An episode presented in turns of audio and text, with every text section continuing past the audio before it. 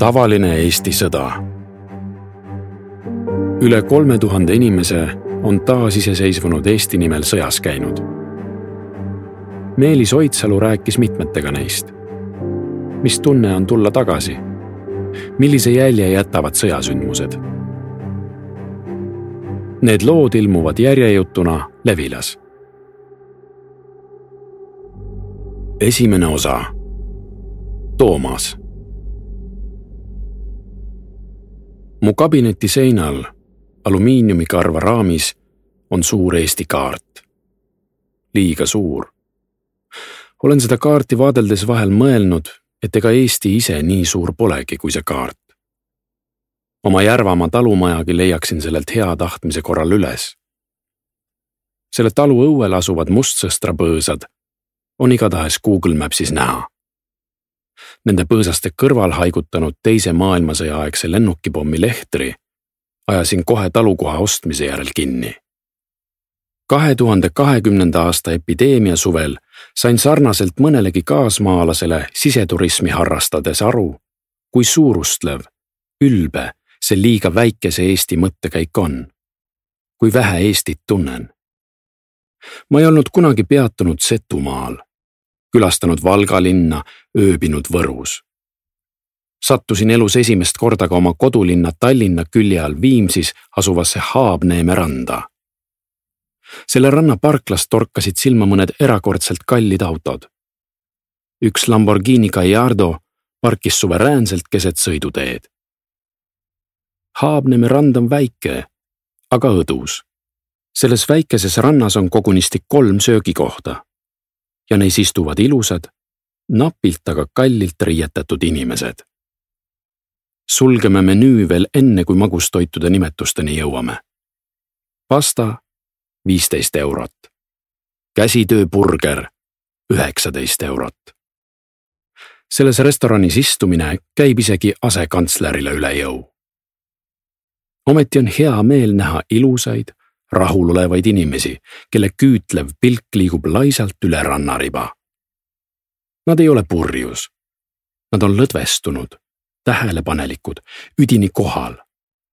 nagu äsja söönud kassid jälgivad nad, mulle tundub tegelikult meie kohalolekut teadvustamata, kuidas kohvikulauast tõuseme, et otsida jõukohasemat ninaisist. Telefoni helin katkestab mu mõttelõnga ja toob tagasi kesklinna Sakala tänavale. valvur annab teada, et Toomas jõudis kohale. tema ja ta teenistuskaaslased tunnevad ta selles loos ka perenimeta ära. võib-olla. istume hallile väärikale disaindiivanile. selles tinahallide ja raskete kardinatega kabinetis. kardinad, mis on nii paksust materjalist seetõttu, et välismaa spioonid neist läbi ei näeks kabinet on umbes sama suur kui mu tilluke kesklinna korter, kuhu ma pole julgenud külalisi kutsuda.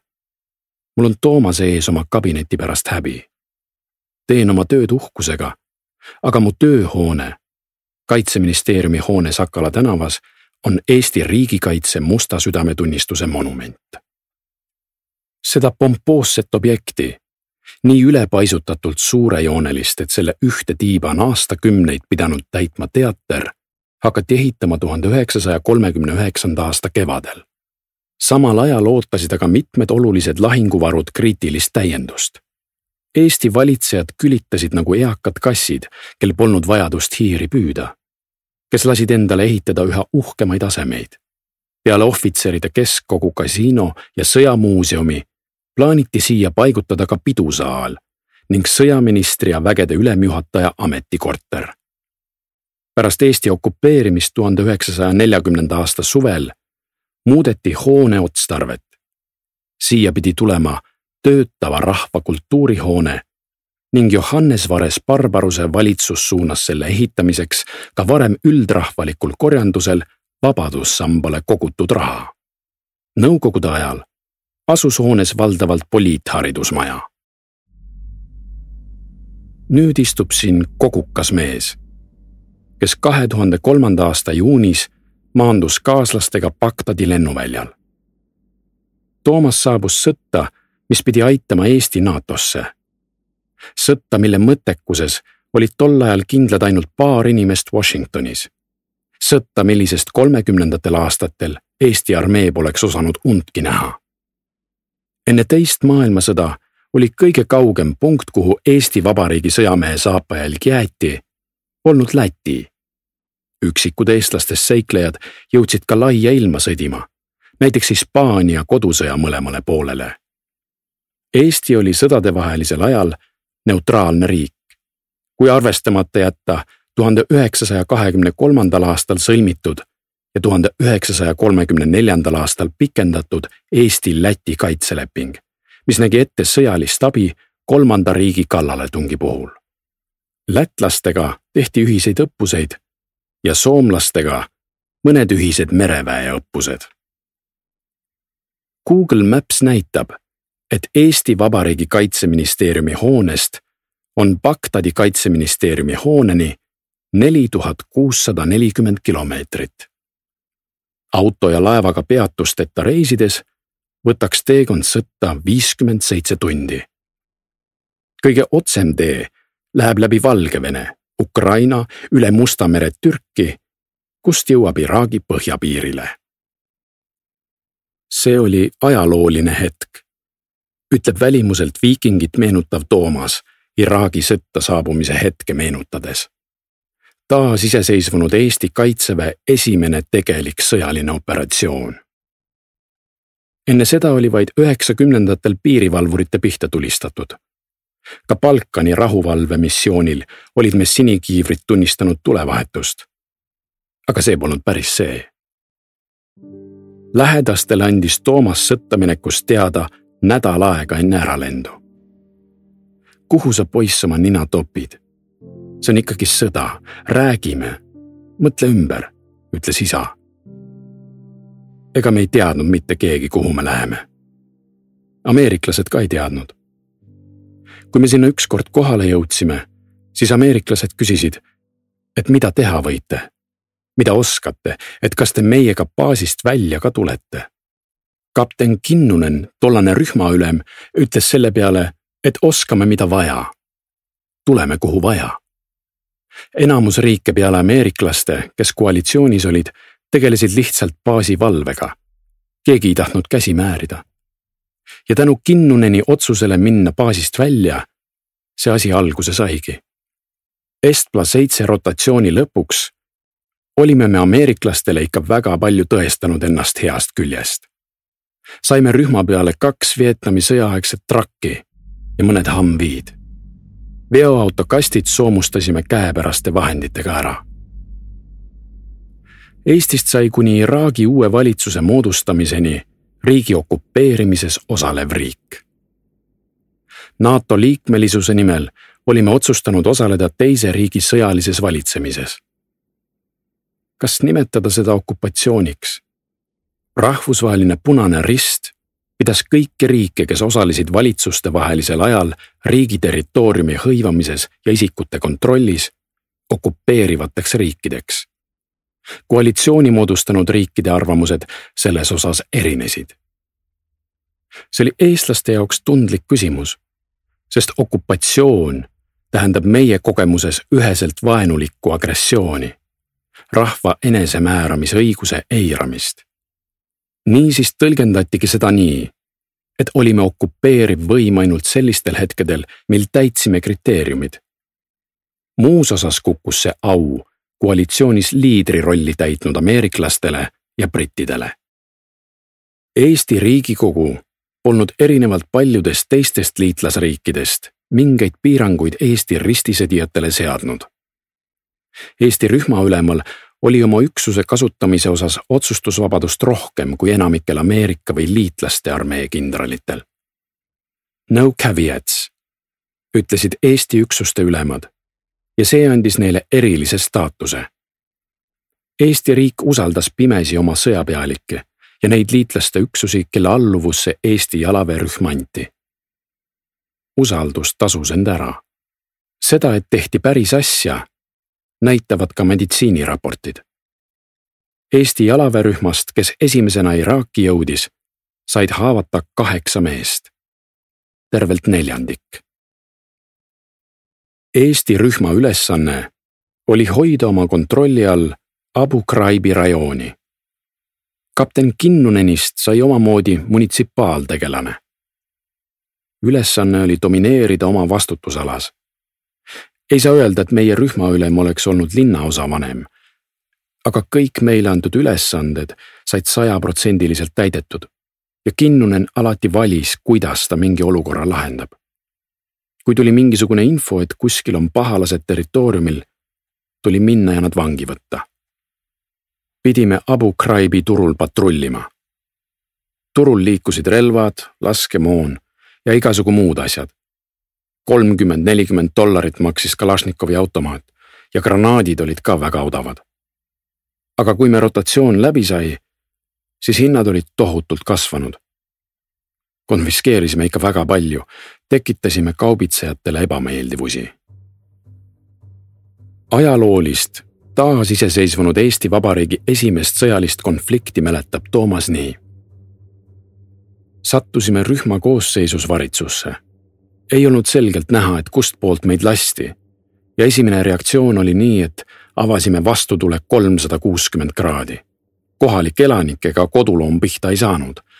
aga liinibuss, selline Ikaruse suurune, mäletan, et sellel aknaklaasid kukkusid no siis rühmaülem võttis pärast üksuse kokku ja ütles kõikidele, et väga tublid. aga lihtsalt noh, laske siis, kui te vastast näete. mul endal oli nii, et mina olingi esimeses masinas, truck'is. olin kuulipilduja taga püsti.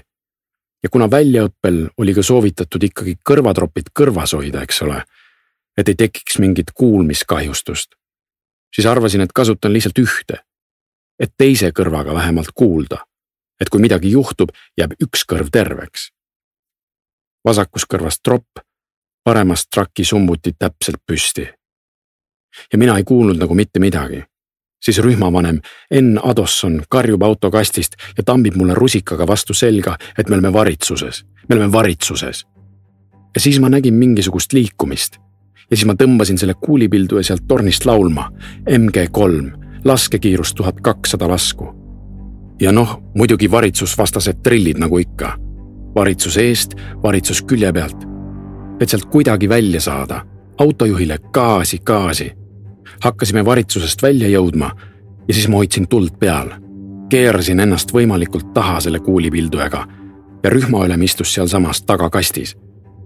ja vaatan üks moment, et rühmaülem kukkus pikali kasti põhja ja ma olin täiesti veendunud, et kuna minu laskesektori piiraja, mis ma endale ette panin, sellest läksin kõvasti üle ja ma lasin juba üle autokasti nurga, siis olin sada protsenti kindel, et ma lasin Kinnunenile valangu pähe. ja sellepärast ta kukkuski sinna kasti põhja. aga ei, Kinnunenil sai lihtsalt salv tühjaks ja ta tõmbas kasti põhja salve vahetama.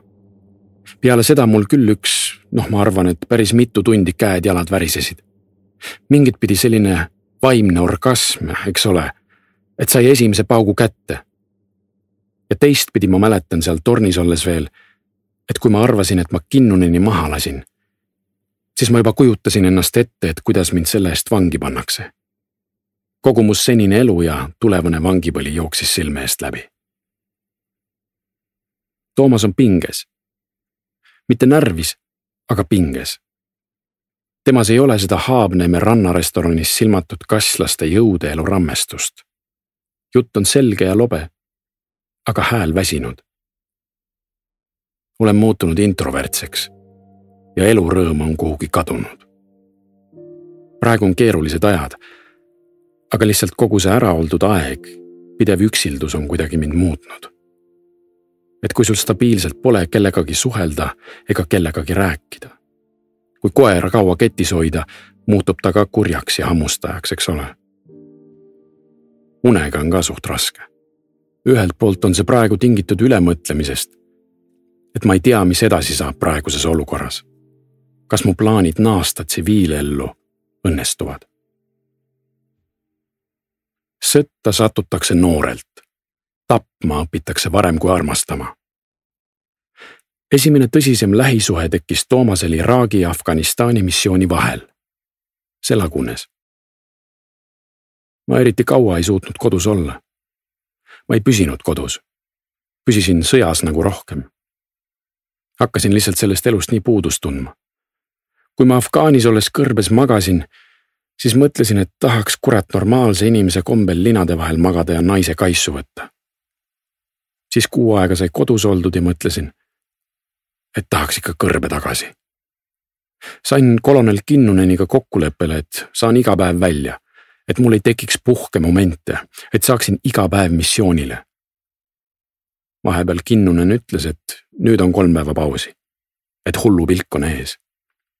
sai aru, et mul hakkas juba vaikselt katus sõitma. aga enamus aega olin ikka jaoga väljas. Toomas on tänapäevase Kalevipoja steroididega toidetud versioon eepiline pendelrändaja. kaitseväe missioonide ajal oli perekond veel olemas. nii olid naasmised sõjapiirkonnast tavaellu palju lihtsamad. hiljem haihtusid nii pere kui sõbrasuhted. viimaste aastate jooksul oli eriti nii, et tulin Iraagist puhkusele, siis alati mõtlesid ja planeerisid puhkust, et mida toredat kõike ette võtta. Aga kui Toomas siia puhkama jõudis, tõmbas ta tavaliselt nina täis kolm päeva oli purjus ja sai siis aru, et teda ei oota siin keegi. Iraagis eraarmees teenis ta samuti ainsa eestlasena. seal sõprussuhteid kellegagi ei tekkinud. kõik olid pigem oma konteinerites. rääkisid perekondadega juttu läbi Skype'i, mis omakorda suurendas üksildustunnet. kui tulin Eestisse tagasi, siis leidsin mingid sõbrad kõrtsist või ööklubist aga et kellegagi kaine peaga juttu ajada või kuhugi minna, selliseid mul ei ole. sellepärast ma võtsingi vastu otsuse see töö lõpetada. kui pandeemia on läbi saanud, siis peaks proovima leida mingeid uusi tutvusi. kuigi ma ausalt öeldes ei tea, kuidas seda teha, sest baarist või ööklubist selliseid inimesi ei leia.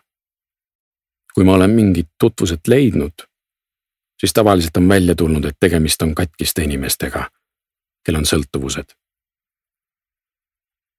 sõjapiirkonnas kohanemisega pole Toomasel kunagi probleeme olnud. meil oli motoriseeritud patrull. sõitsime Abu Ghraibi turult läbi ja siis ma olin viimases masinas tagumine kuulipildur. kuulen kolks kasti põrandale ja midagi tuleb vastu jalga. käsigranaat F1 kuidagi reflektoorselt haarasin selle ja viskasin kastist välja granaadiga rahvaste palli olen mänginud. ma ei tea, kui ma oleksin teadnud, et see on granaat, kas ma oleksin julgenud seda kätte võtta. granaadi viskasin ära ja lolli peaga tõmbasin pärast kaks valangut õhku kuulipildujaga. ja pärast Kinnunen küsis, miks sa loll tulistasid?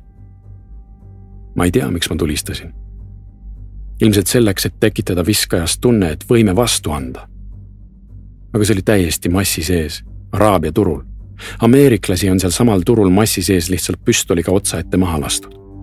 kaod sinna massi, hajud ära. Toomas on mõningaste pausidega sõjas olnud alates kahe tuhande kolmandast aastast. enamasti Iraagis, kuhu ta pärast kaitseväest lahkumist läks nii-öelda eraturvafirma töötajaks. tegelikult siiski jätkuvalt sõduriks ülesanded ei erinenud palju Eesti kaitseväe missioonil tehtust. mu kabineti diivanil istub mees, kes ihkab lähedust ja hingerahu, soovib üle kõige peret ja normaalset elu. laps, mul praegu kaheteistaastane, rääkis, et tal on sõber, kes tahab minna Iraaki ja Afganistani. siis laps soovitas talle, et ära mine, keerab närvid perse ja kui ma ta käest küsisin, et miks ta niimoodi ütleb, siis ta ütles, et issi, ma kardan, et kas sinust üldse kunagi normaalne inimene saab. oleme rääkinud poolteist tundi. Toomase lugu ei saa kindlasti üldistada kõikidele veteranidele. Kokku olen rääkinud tänaseks paarikümne korduvalt sõjalistel missioonidel osalenud veteraniga. ja nendes kohtumistes on midagi sõltuvust tekitavalt vahetut ausat. aga siiski, ma ei oodanud midagi sellist. temast ei õhku mitte mingit militantismi, ja selles kohtumises ei kasuta me kordagi sõna patriotism. tunnen end ebamugavalt. Meil on läbimõeldud veteranipoliitika. see sai koostatud kindral Terrase eestvedamisel, siis kui Afganistanis olukord hullemaks läks ja teated vigastatutest, hukkunutest sagenesid. ja meie kaitsevägi teeb tegelikult väga palju, et kõik haavatud ja hukkunute lähedased oleks hoitud. sõjas käinud veteran lakkab olemast mina, muutub missiooni käigus osaks ühe riigi ajaloost. temast saab meie ka ainsuse esimeses pöördes. aga Toomas ei ole enam kaua aega olnud operatsioonipiirkonnas Eesti sõdurina ja ka ta ise ei pea end veteraniks. kas võib olla nii, et ajasime ta adrenaliinisüstla otsa? ja et see mees on seal istunud viimased seitseteist aastat? ma ei tea. lõppkokkuvõttes on iga karjääriotsus inimese enda valik ja kaitseväe missioonidele kedagi ei sunnita. pigem on olnud kaitseväel tegemist et aktiivsemaid võitlejaid takistada mitmel järjestikusel missioonil end ribadeks tõmbamast. aga sõjajälgi kustutada pole võimalik. ja need ekspeditsioonisõjad, milles osaleme, jõuavad varem või hiljem ka Eesti pinnale. Toomase jaoks sõda alles kestab. kardetavalt veel kaua. Toomas pidas plaani alustada Eestisse naastes ettevõtlust ja sõlmida uusi sõprussuhteid aga siis tuli epideemia ja ta suruti julmalt oma üürikodu nelja seina vahele. olen siin koroona ajal mõelnud, et kui asjad ei lähe siin nii, nagu planeerisin, siis mul pole lihtsalt võimalust. pean minema tagasi Iraaki. vaatan kella. Toomasele ei jää see märkamata. See oli vist Estkoi seitsmenda ajal sattusime kahest suunast sellise korraliku tule alla. mõlemast suunast tuleb üle pea, natuke pead tõstad, kohe tuleb üle pea. siis oli küll selline tunne, et vaatasin kella ja mõtlesin. kolmteist null kaks. huvitav, kas ma kolmteist null kolm näen ära või ei näe. kolmteist null kolm jällegi, kas kolmteist null neli näen ära või ei näe. Aga rühmaülem sai siis tellida pataljonist õhutoetuse peale ja siis saime õnnelikult ära ja ma olin jälle sellises vaikses orgasmis peale seda. ja siis vaatasin kella. kell oli kadunud. rihm oli purunenud.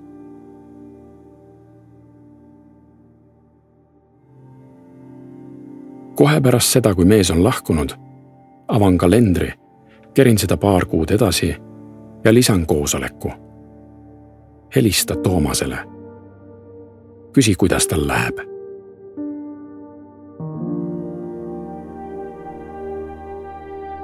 tekst Meelis Oidsalu. audiolugu luges Sergo Vares.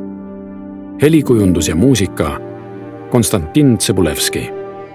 Levila kaks tuhat kakskümmend üks